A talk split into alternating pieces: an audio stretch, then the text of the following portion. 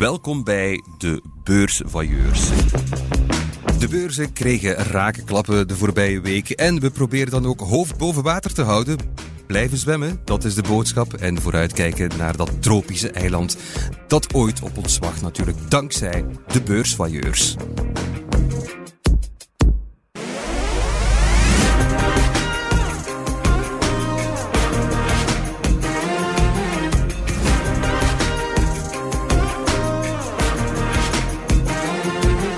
Elke week krijg ik het gezelschap van een bekende belegger en van twee beursvoyeurs. Deze week schuiven geheel vrijwillig bij mij aan aan tafel Ellen Vermorgen, journalist bij De Tijd, en Simon Renti van De Belegger. Welkom allebei. Hey Thomas. Thomas. Hartelijk welkom allebei. Simon, alles goed bij jou? Het was een bijzondere week. Eh, voel je dan een soort van begrafenisstemming aan de redactietafel bij De Belegger? Ja, toch wel een beetje. Het is Ja? vooral als het zo'n paar dagen is dat de, dat de beurzen klappen krijgen, dan is het zelfs nog eh, interessant om het, om het te brengen. Is het nog een beetje leuk. Maar dat het zo dagen en weken aan een stuk is, dan is dat toch wel een beetje... Je voelt ook aan, aan abonnees bijvoorbeeld, dat die soms wat paniekerig worden. Dus dat is, eh, dat is wat minder leuk natuurlijk, ja. Ja, want daar moet je dan ook voor paraat staan. Eh, Er is altijd advies dat jullie kunnen geven, dat de mensen kunnen bellen. Staat die telefoon rood gloeiend nu? Het, het valt nog mee, vind ik. Maar, maar de, de vraag die je krijgt is inderdaad wel soms in het rand van eh, moet ik nu alles verkopen of moet ik nu eh, volledig in cash of in goud rollen? Of, je voelt dat de aard van de vragen toch wel een beetje, een beetje verandert. Ja. Wat is het antwoord dat je het meest gegeven hebt afgelopen week bij de telefoon? Rustig blijven. en ja, je moet toch proberen doorheen die... die eh, je kan het meestal niet voorspellen hè, wanneer er een, een crash of een rally aankomt. Dus meestal is het op lange termijn het beste om, om gewoon in de markt eh, te blijven zitten. Ja. Maar toch vooral op dit moment om, om de, de stevig gewaardeerde, de groeiaandelen, om dat een beetje te, te vermijden. Daar zijn we wel, eh, die mening zijn we wel toegedaan, ja. ja. Ellen, hoe gaat het met jou? Ook bont en blauw van de beurs klappen? Ja, toch nog, nog eventjes aan het bekomen. Het waren, het waren heavy dagen. Hè? En eh, ja, ook, ook voor mezelf en ook voor de collega's. Ja, je ziet, eh, ik denk dat ik maandag eh, mijn slechtste dag in mijn beurscarrière heb beleefd voor mijn Echt eigen waar? portefeuille. Dan, Voor je eigen portefeuille. denk dat er toen zo'n 6% is, is afgegaan. Dus allee, dat zijn wel heftige dingen, maar dat hoort een beetje, denk ik, ja, bij... Het is lang geleden dat we het misschien hebben meegemaakt, maar dat hoort er ook wel bij. Ik denk voor veel eh, jongere beleggers of mensen die nog niet zo lang in de markt zitten, is het misschien fijn om eh, dit, ook dit soort markt te leren kennen. Want ook daaruit zal je leren, denk ik, en een betere belegger worden. En wie stelt jou dan gerust? Want jij moet, het is jouw taak om andere mensen gerust te stellen, maar wie moet dat voor jou dan doen? Goh, wat mij dan geruststelt, Thomas, is mijn intussen niet meer zo, maar toch nog iets of wat jeugdige leeftijd. En ik denk inderdaad, ik heb nog een lange horizon, ik blijf nog lang in de markt zitten en eh, alles komt altijd goed, eh, zoals men placht te zeggen. Dus dat eh, houdt me dan wel gaande, ja. Ja. En wat nu? Dromen van geldbazookas, zoals je het zo mooi omschreef nog? Ja, die tijd is dus eh, is voorbij. Ik denk dat dat ja, de grote, eh, ja, het grote ontwaken is voor de belegger in de huidige markt. Dat die grote brandblusser die er altijd is geweest, de centrale banken, dat die er nu niet is om met allerlei gratis geld en soepel beleid een bodem te leggen. En dat is denk ik iets wat we misschien 40 jaar eh, niet meer hebben gekend. En dat ja, vergt wat andere, een andere benadering van de markt dan we tot dusver hebben gehad. Ja. Ik heb zo het vermoeden dat we het er nog wel eens over zullen hebben Heel graag, vandaag. ja. Ongetwijfeld. Daar is geen ontkomen aan. Elke week zit er ook een bekende beursvoyeur aan tafel. Een persoon die ons met veel plezier eh, zich in de buidel laat tasten. En vandaag is dat toch wel iemand heel bijzonder. Speciaal uit Nederland. De man die zijn volk leerde beleggen. Pim Verlaan. Welkom. Dag Pim. Dankjewel. Hoe gaat het met jou? Ja, gaat eigenlijk goed. Eh, met, ja, met mijn portefeuille wat minder, maar met mij heel goed. Eh, ja, dat doet, Ja. Wel, doet wel even pijn, maar het is leuk om, eh, om hier zelf te zijn in, eh, in Ja. Brussel. Je maakt totaal geen depressieve indruk, ondanks die gekelderde portefeuille van jou. Nee, dat, dat heb ik ook niet. Nee, zeker niet. Dat is fijn. Trouwens, vandaag wordt jouw honderdste aflevering gedropt van jouw podcast, jouw veelbeluisterde podcast in Nederland. Dat is fantastisch, daar kunnen ja, beursvailleurs enkel nog van Wauw, dromen. 100 afleveringen. Ja, 100 afleveringen al van eh, Jong Beleggen met Pim en Milou. Voor mensen die dat nog niet gehoord hebben, hoe kan je dat samenvatten? Wat doen jullie precies? Ja, wij zijn eigenlijk een eh, beleggingsreis begonnen, eh 100 afleveringen geleden. En eh, we zijn echt begonnen met de basis om te leren beleggen. En eh Milou dan meer eh, op ETF's en ik eh, meer een losse portefeuille samenstellen. En dat doen we al 100 afleveringen. En eh, onderweg eh, leren we een hoop. En dan vertellen we aan de luisteraar wat we geleerd hebben. Maar mag ik zeggen dat, dat jij er wel iets meer van kent dan Milou? Eh, ja, dat klopt. Mijn interesse ligt er ook iets meer. Eh, maar dat is ook juist die dynamiek die heel leuk is. Dat we samen eigenlijk een eh, heel breed groepje aan beleggers vertegenwoordigen. Ja. Ik denk ook dat ik een beetje de Milou van de beursvailleurs ben. Dat moet ik wel eerlijk toegeven. Ik ken er ook niets van. Maar dat, dat ga ik niet te veel benadrukken. Maar dat is, ik heb nog heel veel te leren. Laten we het daarbij houden. Balans is heel goed in een, in een podcast. Dat is goed. Zeer blij dat jullie er zijn in elk geval. Want in mijn eentje was het nooit gelukt. Uh, Pim, je legt ook letterlijk in jouw podcast jouw beleggingsportefeuille bloot. Dus ook in tijden van rode cijfers moet je dat doen. Ik vind het wel best moedig. Ja, gaat dat altijd even makkelijk? Ook als het nou, niet zo goed gaat? Of? Ja, nou, ik denk dat daar maak ik me niet zo druk om. Waar ik, me vooral, waar ik vooral moeite mee heb, dat er zoveel mensen meekijken. Dus als je dan een transactie doet, dan heb je het gevoel dat je beoordeeld wordt door uh, honderdduizenden mensen.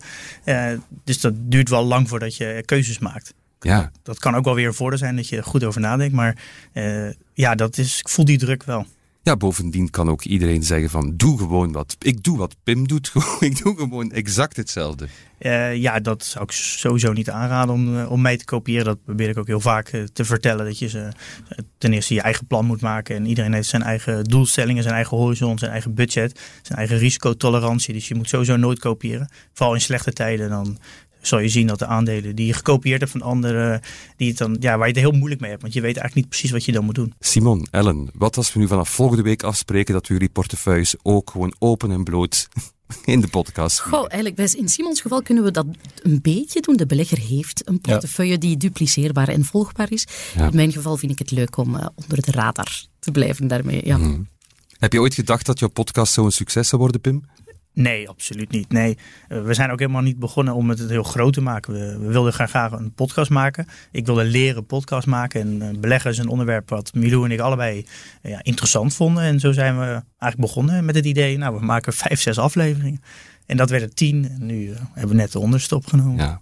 Wanneer is het bij jou beginnen borrelen, de interesse voor de beurs? En dat is eigenlijk het moment uh, toen ik mijn bedrijf verkocht. En ja, als ondernemer heb je eigenlijk geen pensioen. Uh, dus ik had eigenlijk bedacht, nou, ik moet een gedeelte moet ik wegzetten voor Je had al een bedrijf verkocht, toen was je 12 jaar of zo, denk ik. Want hoe oud ben je nu? Uh, nu ben ik 32. Oké. Okay. Uh, dus ik had mijn, mijn softwareonderneming verkocht uh, uit, in Amsterdam. Nou, dan krijg je in één keer een hoop, ja, soort van cash. En daar wilde ik wat mee. En toen ben ik eigenlijk een beetje die wereld ingerold. Van ja, wat kan je nou met vermogen doen en hoe kan je vermogen laten groeien eh, tot een bepaalde pensioenleeftijd.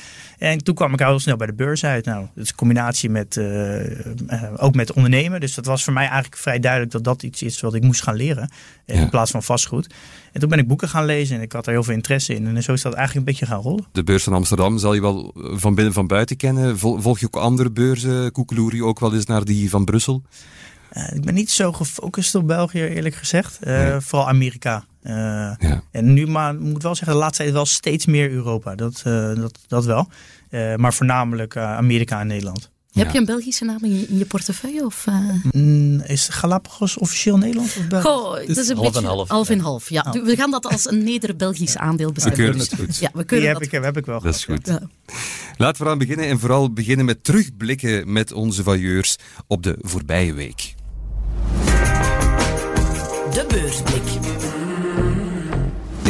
Beursblik komen we te weten wat onze beursvoyeurs rond de tafel onthouden hebben van de voorbije beursweek. Wat was absoluut niet te missen? Laten we starten met jou, Pim. Je was al heel goed opgewarmd. Pim, waar wil je het graag met ons over hebben? Ja, ik denk dat deze week wel, uh, wel bekend staat dat de, vooral de AX dan en de Nasdaq al wat langer echt in een soort van bear market terecht is gekomen. Dus dan volgens de soort van officiële termen. Dus dat uh, vanaf de all-time min 20 zijn gegaan. En dan nog ook een periode van minimaal twee maanden daarin zitten. Waar ik het eigenlijk over wil hebben is dat vooral de beginnende belegger, en het zijn vaak ook jongeren, maar het kunnen ook wat ouderen zijn. Ik merk in de podcast dat ook heel veel oudere mensen nu starten met beleggen.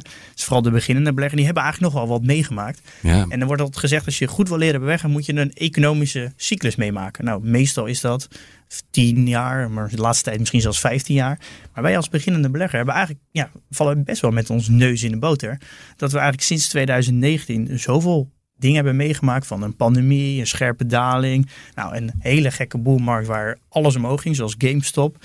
Uh, geld was gratis. Uh, vet die bleef maar de liquiditeit verzorgen. Dan hebben we nog de TINA gehad. There's no alternative. Uh, een recordvraag aan arbeid. nou, wat hebben we nog meer? Oorlog op ons continent. Nou, ja. Je bent er echt van aan het genieten van, van alles wat je, wat je overkomen is in twee jaar tijd.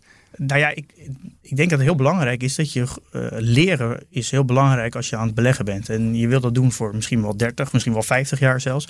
En dan kan je echt het compounding laten werken. Dus hoe meer kennis je opdoet in een korte periode, hoe meer je daar later van gaat profiteren. Dus ik ben eigenlijk heel blij dat ik uh, in, in twee, drie jaar tijd ja, heel veel verschillende dingen heb meegemaakt, waardoor mijn leercurve gewoon uh, lekker stijl is. Toch ook een mooie manier om het toch positief te zien, hè Ellen? Dat is, ja, ja, inderdaad. Ja, een bodem gelegd in de kennis, maar daarom misschien niet in de portefeuille. Ik ben het eens met Pim dat we op een heel korte periode heel veel marktextremen hebben gekend en dat dat de leercurve alleen maar ten goede komt. De grote ontnuchtering is er nog niet geweest. Hè. We hebben in de pandemie die scherpe val gehad die meteen werd opgekocht. Ja, dat V-herstel zie ik nu ja, iets moeilijker uh, gebeuren. Dus het kan zijn voor, voor beleggers die denken, ja, het gaat mij allemaal voor de wind.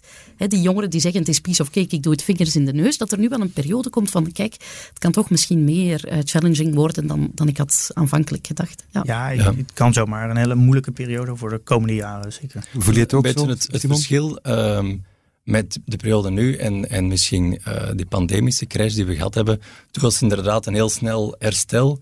En zo'n correctie om de één of twee jaar, dat gebeurt wel eens. Bijvoorbeeld in 2018 was er ook zo'n heel scherpe correctie die snel herstelde.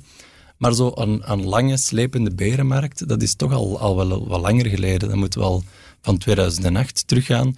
Dus dat is dat heel veel beleggers, en ik zelf ook nog niet echt, hebben meegemaakt. Mhm. En dat voelt toch anders dan dat je denkt van, ja, je hebt, je hebt inderdaad koersen die inzakken, je kan ook snel koopjes doen. Uh, mensen die zijn beginnen beleggen tijdens die pandemie, die wat cash aan de zijlijn hadden staan, die, die zijn ook vrij snel erop vooruit gegaan. Uh, maar het gevoel is toch anders. Ik zeg niet dat we daar naartoe moeten gaan, maar die kans bestaat wel, omdat zoals Ellen zegt, de centrale bankiers er minder een, bodem onder die koersen kunnen leggen, dat we naar een, naar een iets langere uh, periode gaan, dat de koersen minder goed, uh, dat de beurzen minder goed presteren. En dat is toch een, een gevoel dat veel jonge beleggers nog niet hebben gehad, denk ik. Ja. Laten we het allemaal vooral leerzaam noemen dan en niet te negatief bekijken. Maar toch, Ellen, ben benieuwd wat jij meegebracht hebt voor ons. Wel ja, ik, ik vind wat onderliggend in de economie gebeurt eigenlijk heel, heel eng. Hè. Uh, we hebben ja, een toxische storm in de wereld. Hè. Dat is niet nieuw, maar we hebben die oorlog, we hebben die lockdowns in China. Um, ja, het is een heel onzekere wereld. En in het verleden had je dan altijd één grote ja, brandblusser staan. En dat zijn de centrale banken, die dan zeggen bij een schok, is dat nu 9-11 uh, eh, of een schuldencrisis, bankencrisis, die zeggen wij gaan versoepelen, wij gaan geld goedkoper maken en wij kunnen zo die schokken helpen opvangen. Maar nu zit je met zodanig hoge inflatie, prijzen stijgen zo erg, dat ja, dat, dat wapen helemaal wegvalt. Want ja, de centrale banken kunnen geen kant meer op. Uh, kunnen niet meer verruimen. En dat is voor mij ja, een heel, heel belangrijke ja, bodemlegger, een belangrijke stut, een schutmechanisme dat, dat wegvalt uit de markt. En is dat nooit eerder gebeurd? Jawel, zeker. Uh, in de jaren zeventig, wanneer het ook uh, ja, een, een ontsporende inflatie was, hebben ze hard... Oliecrisis. Ja, ah, wel, maar daar wil je niet terug naartoe, want dat was eigenlijk een decennium waarin de beurs quasi op zijn gat heeft gelegen. Mm Dat wil je nu natuurlijk niet. En het is een beetje een rock in een hard place voor die centrale banken. Ik benijd ze niet. Ze hebben een heel moeilijke opdracht. We hebben woensdag weer een inflatiecijfer gehad uh, in Amerika, dus 8,3 uh, procent. Dus hoger beetje afgekoeld, maar nog altijd hoger dan verwacht. En je ziet, om die inflatie echt in de kiem te smoren, gaan er ja, nog meer renteverhogingen nodig zijn. Maar dan dreig je je economie in een, in een recessie te duwen, wat ook onwenselijk is voor de markten. Ja. En dan spreek je nog niet over de ECB, die in Europa ja, datzelfde moet gaan doen. Eigenlijk te laat is, vind ik, met op de inflatie te reageren. Wat valt er verwachten van de ECB? Ja, nu, woensdag hadden we uh, Lagarde die toch een niet mis te verstaande hint geeft van in juli zullen wij potentieel de rente verhogen. Hè. Dan komen we ook in Europa aan het einde van die gratis geldpolitiek. En ja, je kan je dan afvragen, uh, ja, is dat niet too little too late? Ik zou niet mm in haar schoenen willen staan, maar ja, je kan je afvragen, ja, is dat nu nog op tijd. Die, die, geest is uit de fles. Hè. Inflatie is als uh, een tube tandpasta. Je kan dat eruit duwen, maar je kan er heel moeilijk terug in krijgen. En kan zij dat uh, nu nog gaan bezweren en dan op manieren die economisch niet al te veel zeer gaan doen? Want we staan in Europa in de vuurlinie van die oorlog. Ja, gaan we, uh, ja, het is een beetje te hard op de rem staan. Dus te veel verhogen zou ons in een diepe recessie kunnen duwen. Te weinig verhogen zou dan weer uh, de inflatie helemaal kunnen doen ontsporen. En geen van beide. Ja, het is ja, be if you do and be damned if you don't. Ik denk, uh, ja, moeilijke, heel moeilijke situatie voor, voor centraal bankiers. Ja, het blijft altijd lastig wat je nou moet zeggen over centrale uh, bankiers. Ik, ik denk wel met de inflatie de vergelijkingsbasis is natuurlijk ook extreem laag. En daar wordt denk ik wel relatief weinig over gesproken. Uh, als je gaat kijken naar, denk ik, nu de komende maanden wordt de vergelijkingsbasis al iets hoger. En vanaf september, oktober, dan is de vergelijkingsbasis eigenlijk 10%. Uh, dus ik vraag me af in hoeverre dat echt ja. dan ook nog doorzet. Dan heb je een paar basiseffecten die automatisch voor ja, een lager percentage gaan zorgen. Ja, en de kerninflatie is echt wel structureel lager. Dan praten we over 3,5%. Is nog steeds boven het mandaat van 2% volgens mij.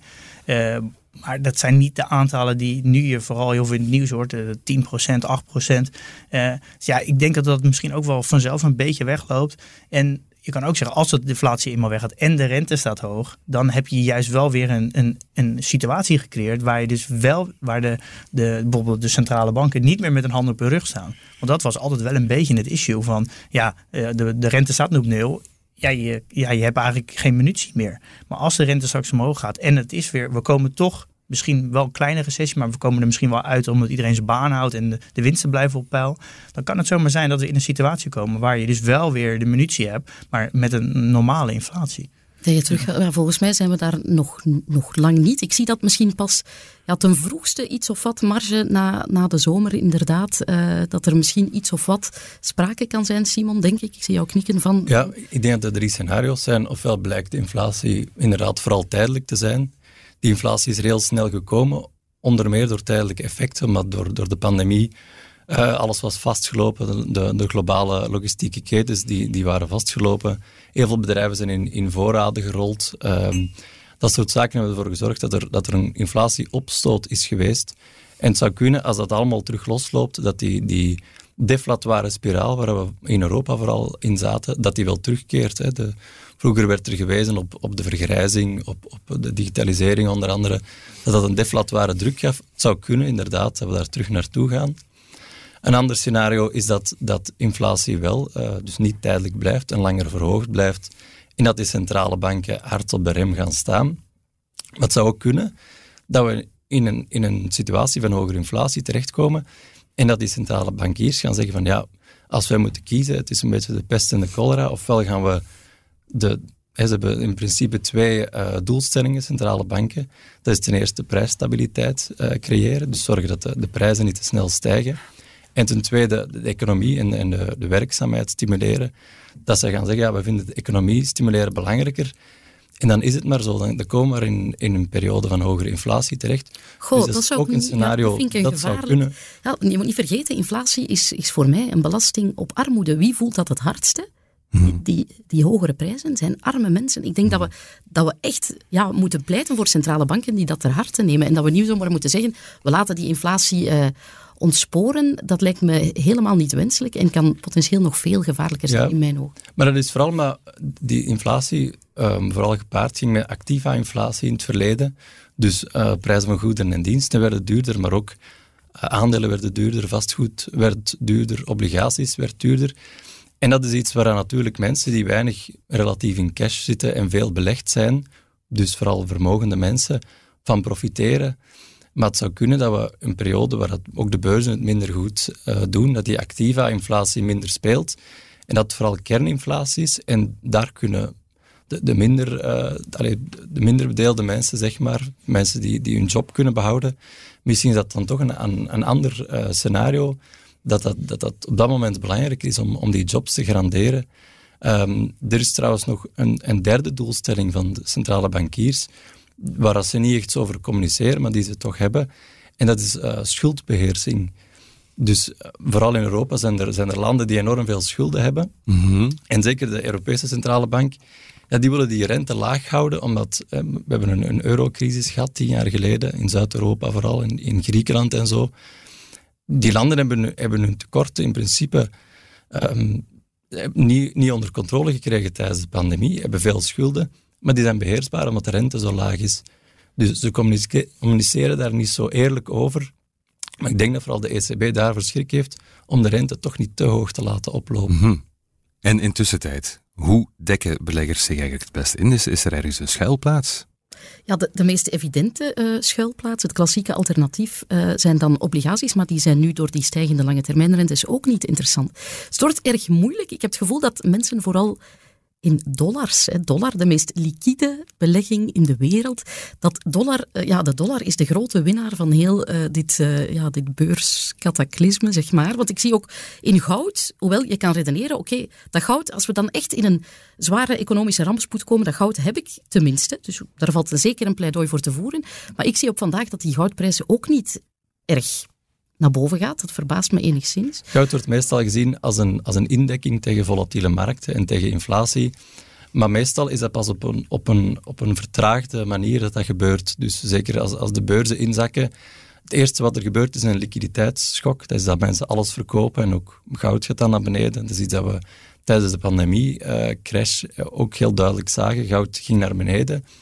Wat je daarna vaak ziet, dat is dat die, inderdaad die Amerikaanse staatsobligaties en die dollars populair worden. Dat dat echt een vlucht naar veiligheid is. Maar goud is, is omgekeerd gecolereerd aan de, aan de dollar, waardoor de goudprijs meestal nog eens uh, een tik krijgt. En het is meestal um, pas vertraagd na een paar maanden of zo dat die goudprijs aantrekt. Dus ik zie dat nu misschien ook wel gebeuren, dat goud nog een tijdje zwak blijft en dan bijvoorbeeld tegen het einde van het jaar terug, uh, terug aantrekt. Maar wanneer gaat de hele boel een klein beetje afgekoeld zijn? Tegen de zomer of zo? Wat durf je al voorzichtig Goh, positief ik, te worden? Ik durf, ik durf, er niet te hard op vooruitblikken. Het gaat allemaal... Allee, we zullen zien hoe hard de economie die renteverhogingen aan kan. En in, of we in een recessie uh, komen, ja dan nee. Ik durf, ik durf nu geen projecties te doen.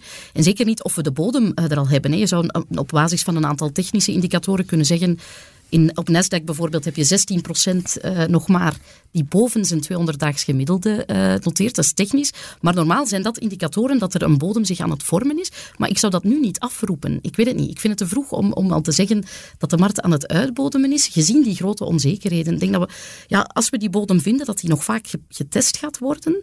En dat we, ja, langdurig uh, met die manische koersen rekening gaan moeten houden. Ja, ik, ik merk zelf dat er, dat er, er is een een hele disbalans in de beurs. Dat was het eigenlijk eerst ook, met vooral technologie. Dat was eigenlijk te duur. Uh, maar nu merk ik juist dat het, dat helemaal de andere kant op gegaan is. Juist technologie is op niet allemaal, maar er zijn best wel veel technologiebedrijven die echt nu echt wel heel goedkoop worden. Helemaal als je ziet wat verdiencapaciteit is. En die worden niet heel erg geraakt door alle zorgen die er nu zijn. Uh, en dan kijk je naar de echt defensieve bedrijven. En dan even, denk ik, een, een mooi voorbeeld is de Coca-Cola. Nou, wat je daar nu voor betaalt, dat is, ja. Die, die, ja, die is zoveel duurder dan gewoon echt ja, dan partijen, dan andere bedrijven die gewoon echt ja, ook hele stabiele omzet hebben, uh, hele stabiele winst en ook veel harder groeien. En er is van, naar mijn idee een hele disbalans. Dus ik denk ook wel, er zou zomaar nog wat af kunnen als, als aan, de, ja, beleggers in, die, ja, in dat soort aandelen ook gaan denken. Nou, volgens mij zijn de waarderingen hier ook wel een beetje hoog opgelopen. Ja. Okay. Simon, heb jij vrolijk nieuws mee voor vandaag? Ja, ik heb, uh, ik heb iets anders uh, meegebracht, inderdaad. Het moet niet allemaal uh, macro zijn. ik heb een verhaal mee over een, een duopolie. En een van de bekendste duopolies, denk ik, die er zijn. dat van de, de vliegtuigbouwers Airbus en Boeing. Die domineren met hun, met hun twee eigenlijk de complete markt. En vroeger was Boeing de grootste, um, maar we zien nu dat, dat Airbus de crisis beter is doorgekomen. Het was al iets langer dan, dan, uh, dan vandaag. Maar met de kwartaalcijfers weer al. Uh, Airbus heeft, heeft nu al tien op de twaalf laatste kwartalen de verwachtingen geklopt. En, en uh, Boeing die stelt elke keer maar teleur. Waar um, ligt dat aan? Ja, het is al een beetje voor de pandemie begonnen. En de, iedereen kent het verhaal van de, de Boeing 737 MAX misschien wel. Dat was niet bepaald een succes. Nee, inderdaad. Er zijn twee fatale crashes van geweest. En toen is de miserie bij Boeing begonnen. Um, ze hebben die, die vliegtuigen aan de grond moeten houden. Er zijn veel meer um, veiligheidscontroles, testvluchten en zo moeten gebeuren. Um, ondertussen vliegt dat toestel terug, maar dan hebben ze problemen gekregen met andere toestellen, waar ook ja, kwaliteitsproblemen mee waren. En zo zijn zij eigenlijk meer geraakt door die, door die pandemie. Ze hebben vertragingen, ze moeten dan compensaties betalen aan de, de maatschappij die die die, die, um, Op een vliegtuig zitten te wachten gewoon. Ja. ja, die zitten te wachten, inderdaad. Terwijl Airbus, die, die, hebben, het, die hebben het zeer goed gedaan. Um, die zijn ook wel geraakt door de pandemie, maar die zien nu um, dat er een gigantische vraag is naar, naar vliegtuigen. En vooral Airbus staat sterk in de, de iets kleinere of middelgrote vliegtuigen. Bijvoorbeeld binnen Europa of binnen de Verenigde Staten beginnen reizen, durven nog iets minder intercontinentaal vliegen en dan doen die kleinere vliegtuigen het beter. En Airbus die hebben van hun, hun goede resultaten ook gebruik gemaakt. Ze willen het, het productieritme tegen 2025 fors optrekken. En ze profiteren dan ook wel een beetje, want een, een, een nieuw probleem in de, in de luchtvaartsector zijn ook de hoge olieprijzen. Maar zij zeggen, ja, uh, luchtvaartmaatschappijen die gaan ook sneller van hun oudere, um, um, ja, vervuilendere toestellen vanaf willen, willen, mm -hmm. schonere uh, toestellen. Dus we gaan die producties uh, optrekken. En, en daardoor ja, um, hebben zij enorm uh, ambitieuze doelen uh, ingesteld. Dat Airbus Boeing nu wel, wel een beetje heeft uh, bijgehaald de voorbije ja, drie jaar. Europese triomf een klein beetje. Ja, hè? eigenlijk um, wel. De voorbije drie jaar was, was Airbus terug de grootste ja. vliegtuigbouwer. Dus toch wel een, een triomf voor, voor Airbus. Ja. In een markt die heel fel herneemt. Ik denk dat weinigen dat hadden durven bevroeden. Dat we toch, want tijdens COVID was het zo van, gaat dat vliegverkeer ooit weer hernemen? Ik woon niet ver van de luchthaven van Zaventem, Brussels Airport. En ik kan je zeggen, het herneemt. Ja. Er waren ook uh, ja, cijfers van de sectorfederatie, IATA, uh, die ook ja, die case voor, voor Airbus ondersteunen. Die zeggen van, er, er wordt weer bijna voor het zomerseizoen gevlogen als voorheen. Met dat verschil dat er op korte, dus de, de Malaga-vluchten enzovoort, dat, dat werkt uh, enorm goed. De langere afstand ja, is, is wat moeilijker nog. Maar uh, ja, ik denk dat niemand had kunnen uh, bevroeden, en ook Airbus niet, dat het, dat het in die vaart zou hernemen. En dat is wat zij nu heel erg hebben getoond in die cijferset uh, van vorige week. Pluimen op ons Europees hoedje dan maar. dankjewel, Simon. dit was de terugblik. Straks kijken we uiteraard ook naar wat er volgende week op de beursagenda staat. Maar eerst gaan we alle kennis hier aan tafel inzetten om een luisteraar te helpen.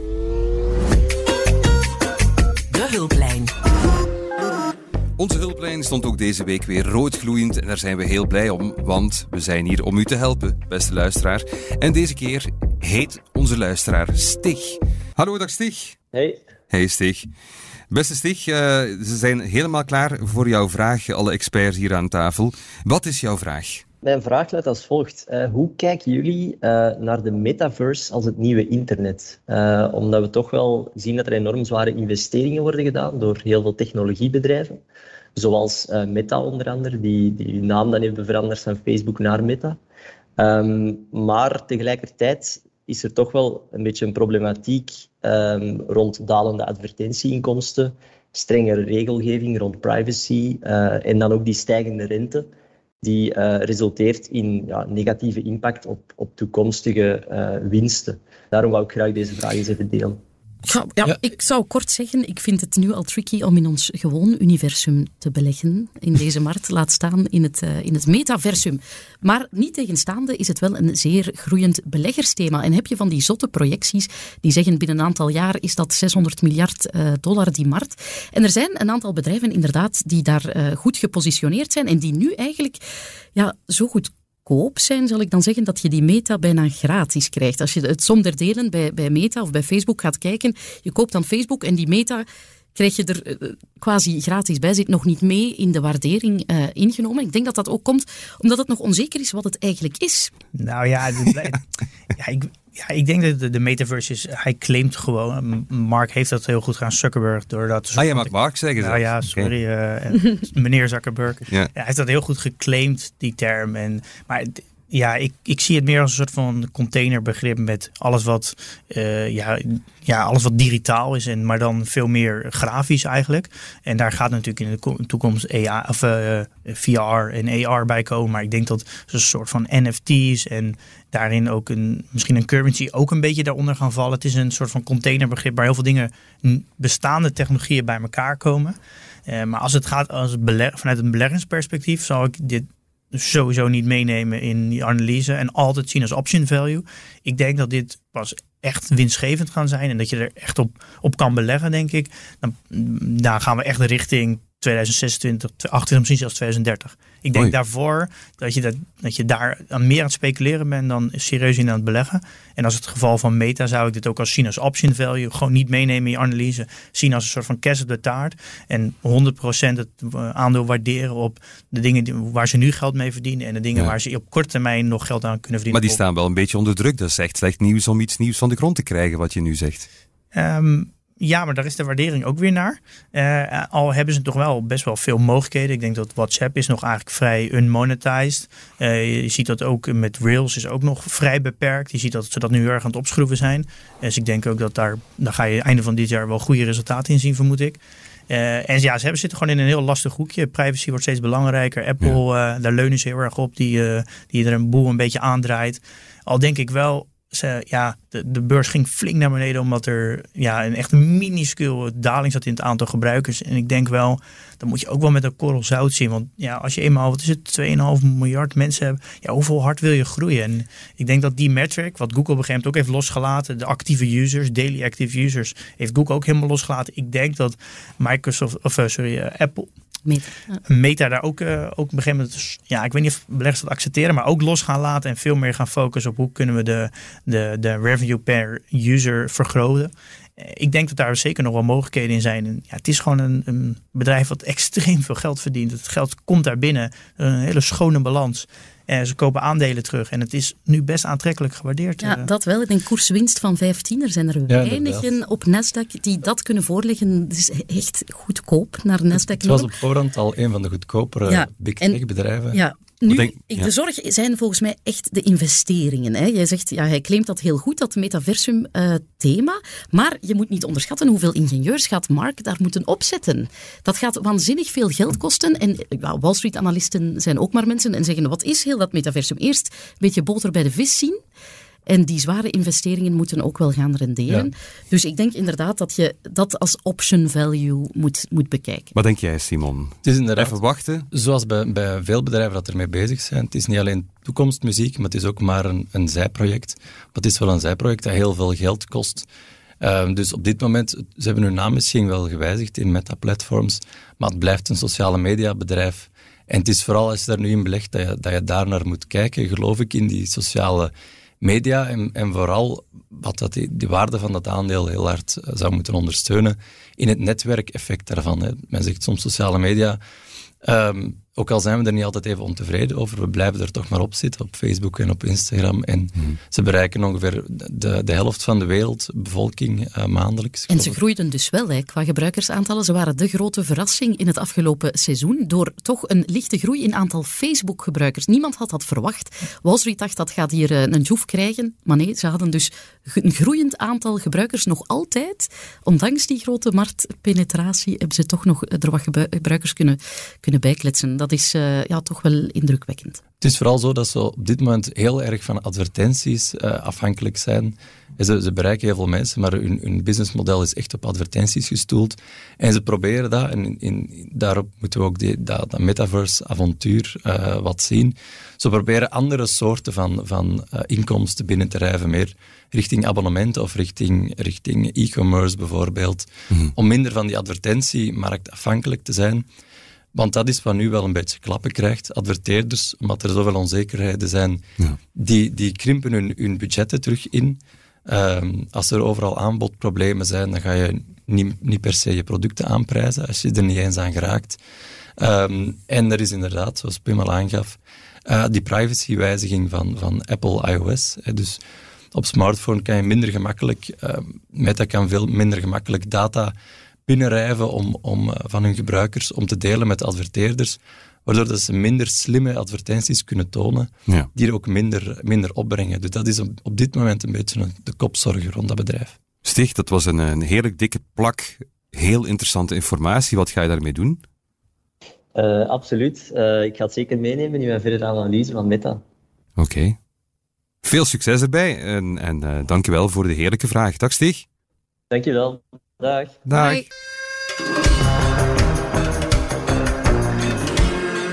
Show me the money. Jazeker. Pim, het is tijd om eens diep te duiken in jouw beleggingsportefeuille. Ben je daar klaar voor? Zeker. Uitstekend. Er zitten 20 vragen in Wanda Buffett verstopt. Het is aan jou om een willekeurig cijfer te kiezen. En dan komt er een vraag. Welk cijfer kies je, Pim? 17. Over welk aandeel twijfel je vandaag het meest? Vind het een heel spannende vraag van Wanda, zoals meestal, maar het antwoord dat krijg je dadelijk, na dit. Pim Verlaan van de podcast Jong Beleggen is hier bij ons. Ik kreeg daarnet een vreselijke vraag van Wanda. Als volgt luidt die vraag: over welk aandeel twijfel je vandaag het meest, Pim? Nou, grappig genoeg is dat eigenlijk een meta. Uh, Waar we het net over hadden. ja, ja, heb ik zelf in mijn portefeuille. Ehm, ja, eigenlijk wat we een soort van net besproken hebben. Er zit, een, ja, daar, ik twijfel daar al heel lang over. En ja. Waarom heb je het dan gekocht, Pim? Nou ja, dat, ik heb het aandeel al, al denk ik twee, drie jaar in mijn portefeuille, vanaf het begin al. Ja. Ehm, maar ja, de, de, de, de soort van investment case is gewoon heel erg veranderd onderweg. Uh, en ik merk dat daar, uh, daar heb ik altijd wel een beetje moeite mee. Dat ik onderweg veranderde dingen en dan ben ik niet degene die altijd heel snel keuzes maakt. En dan wacht ik net te lang en nu zit ik daar nog steeds over te twijfelen. Maar ja, nu is de waardering weer wat aantrekkelijker geworden. maar het is een aandeel waar ik, ja, waar ik constant over twijfel. En, en wat, wat, wat ga je daar dan mee doen? Ga je dat dan verkopen of toch maar mooi laten staan? Uh, nou, zolang ik twijfel, hou ik het nu nog gewoon staan. Uh, Ik vind het nu wel aantrekkelijk gewaardeerd, of in ieder geval aantrekkelijk genoeg om, uh, om er niet, geen afscheid van te nemen. Maar dit is wel een ander wat ik goed in de gaten hou om, om mogelijk wel afscheid van te nemen. Oké. Nog een cijfertje, Pim? nummer 6. Wat is jouw grootste positie? En nou, dat is de, de MICI All World ETF. Dus een gespreide ETF uh, van volgens mij 3600 uh, bedrijven. En ik heb een beetje een core satellite strategie, semi, waarvan ik een relatief kleine core heb van 20%. Dat is dus dan automatisch ook mijn grootste positie. Maar is een core satellite strategie ja, dat houdt eigenlijk in dat je de, een core heel erg uh, ja, passief doet, lage kosten. En dat die, daar kijk je eigenlijk niet zoveel naar. En dan heb je de, de satellites die eromheen zitten, die manage je wat actiever. Ja. En dat kan ook nog steeds een ETF zijn, maar dan bijvoorbeeld meer thema-ETF's. En uh, ik maak een beetje daar gebruik van. En uh, wel relatief veel in satellites dan wat eigenlijk geadviseerd wordt door minister Bogle van Vanguard. Ehm, maar ik vind het leuk om, om ook zelf te doen. Dus daarom is dat mijn grootste positie. Hmm. en de andere positie in, in, gewoon losse aandelen is denk ik Amazon of Google. Die uh, wisselen een beetje per dag. Oké. Okay. Nog een cijfer in gedachten, Pim? Um, nummer 12. Wanneer heb je voor het laatst gehandeld? Um, dat is vorige week vrijdag geweest. Mm -hmm. uh, eigenlijk heel, dit jaar nog maar twee keer gehandeld.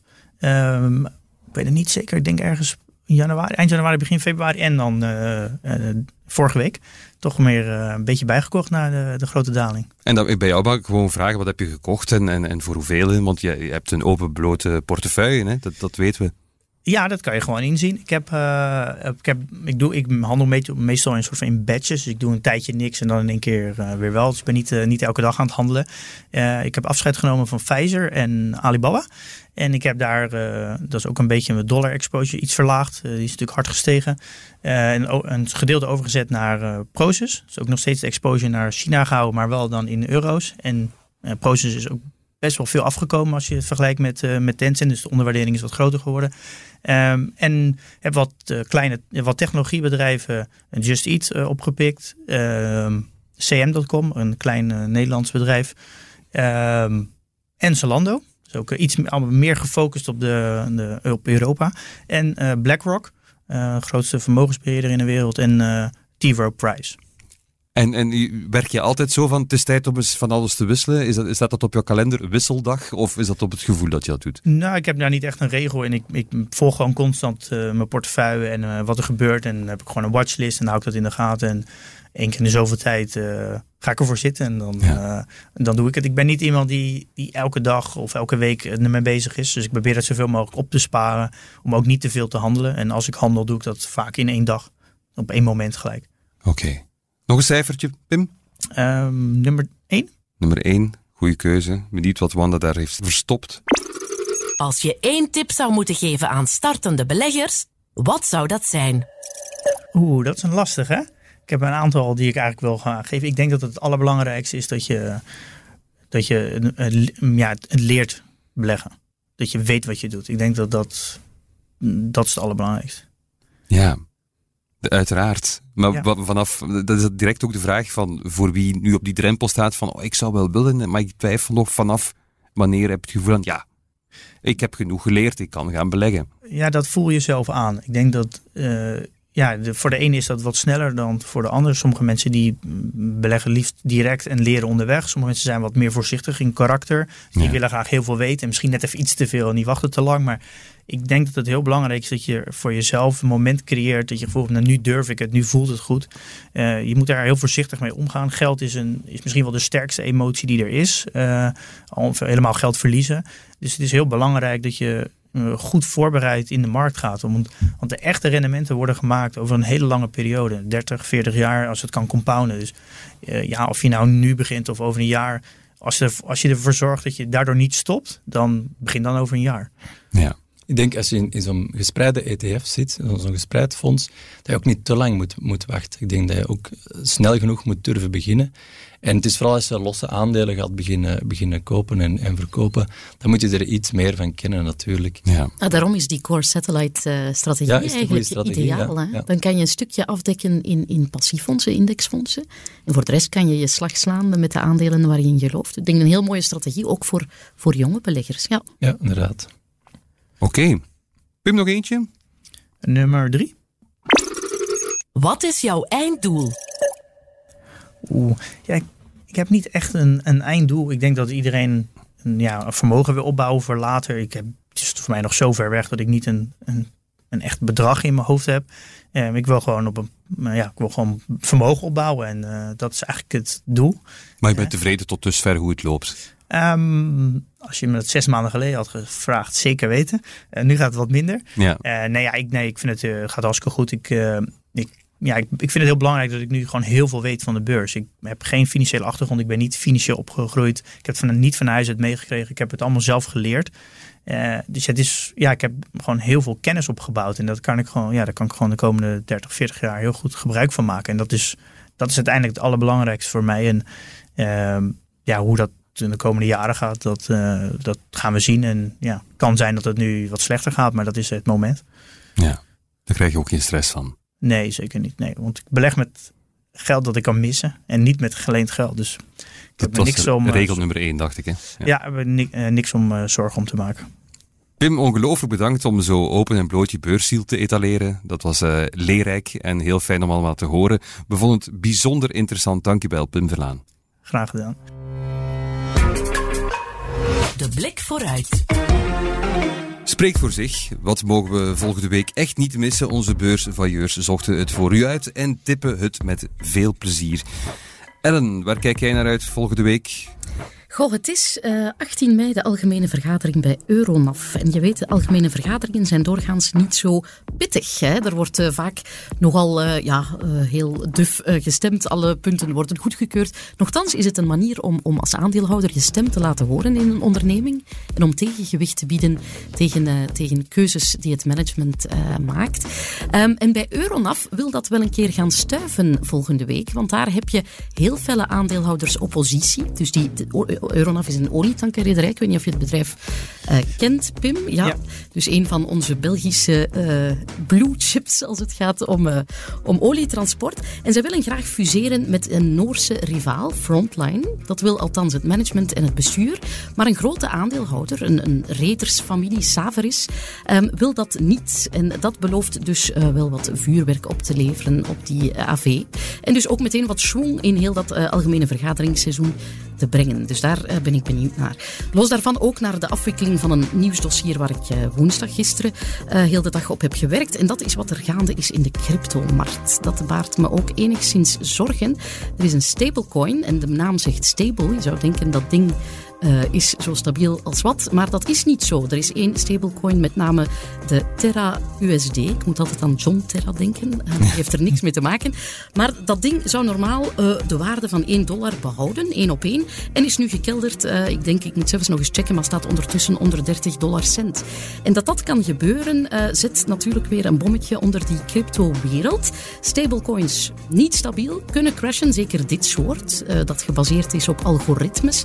Um, maar het is toch weer uh, heel hard aan het verschuiven in dat crypto-landschap. het is ook een heel sterke, slechte marketing natuurlijk als je stablecoin heet. En, en dan ga je zwaar onderuit. exact. Ja. ja. dan haal je gewoon heel je bestaansreden uh, onderuit. En dat kan, ja, dat valt natuurlijk enorm ook bij regulatoren in het oog. En ik denk dat we daar het laatste nog niet van hebben gehoord. Dus voor mij een nieuwsdossier dat ik met heel veel goesting verder wil, wil vastpakken. Heel spannend. Benieuwd om er meer over te... Wat denk jij daarvan, Pim? Nou, in Ik wil daar nog wel aan toevoegen. We hebben de, vandaag ook een aflevering opgenomen over aandeelhoudersvergaderingen. Oké. We zijn ook, Milou en ik, naar een aandeelhoudersvergadering gegaan om te kijken hoe dat nou werkt. Naar die van Just Eat, want die was ook heel pittig. hè? Ja, daar zijn we geweest uh, Ja. om verslag te doen van een aandeelhoudersvergadering. En we hebben deze week ook Philips gehad, waar de 80% tegen de pleiten. ja. Dus het begint nu wel langzaam een beetje eh, wat, ja, wat reuring te komen op aandeelhoudersvergaderingen. Bij Just Eat viel het uiteindelijk wel mee. Ja, je had dan twee bestuurders die zo langs de achteruitgang zijn eh, het Net- hazenpad genomen. Hè? Ja, eh eieren voor hun geld gekozen, net Ja. voor de vergadering. Ja. Ja, ja, dus daar was heel veel animo in Nederland inderdaad op de AV's. Ja.